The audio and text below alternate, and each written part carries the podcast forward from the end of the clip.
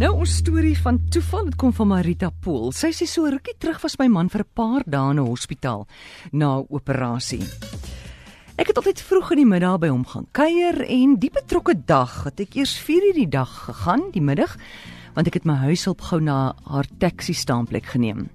Toe ek by die hospitaal se voorportaal instap, was dit redelik stil en leeg, behalwe vir 'n vrou wat langs 'n pilaar in 'n rolstoel sit. Sy het dadelik my aandag getrek want sy het angstig en hulpeloos om haar rond gekyk. Ek stap toe nader en vra of ek haar dalk kan help. Sy sê nie eintlik nie, sy wag dat iemand haar saal toe moet neem, maar sy het baie pyn en ongemak. Sy sê ook sy voel alleen want gewoonlik het mense ouers en familie by hulle as jy hospitaal toe gaan.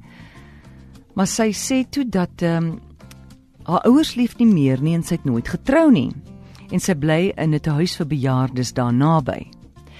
Ek vra toe maar of ek vir haar kan bid en ons gesels nog 'n bietjie en ek verneem dat sy nou, jy weet niemand daar in Oos-London of naby haar het wat haar ken nie. Skielik onthou ek dat sy haar naam gesê het en ek waag 'n kans. Ek vra haar waar sy skool gegaan het. Toe ek hoor dit was in Queenstown, vra ek haar of haar ouma se naam nie dalk Makkie de Toy was nie. Ja, sê sy toe. Ek verras haar deur te sê wel, in daai geval is ek jou kleiniggie.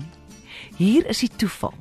Ons is albei 68 jaar oud en het mekaar al 'n paar keer gesien as kind en ons het lekker saam gespeel. Ek praat nou van so 60 jaar gelede. Nou haar ouma was my tannie by wie ek en my ouers vir 'n paar maande loseer het. Ons was egter Transvaalers en het toe weer teruggetrek en nooit weer in die Oos-Kaap gekom nie.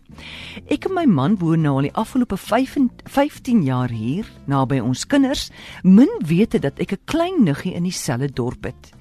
Ek hoop dit kan vir haar tog gerusstellend wees om te weet dat sy nou familie naby het.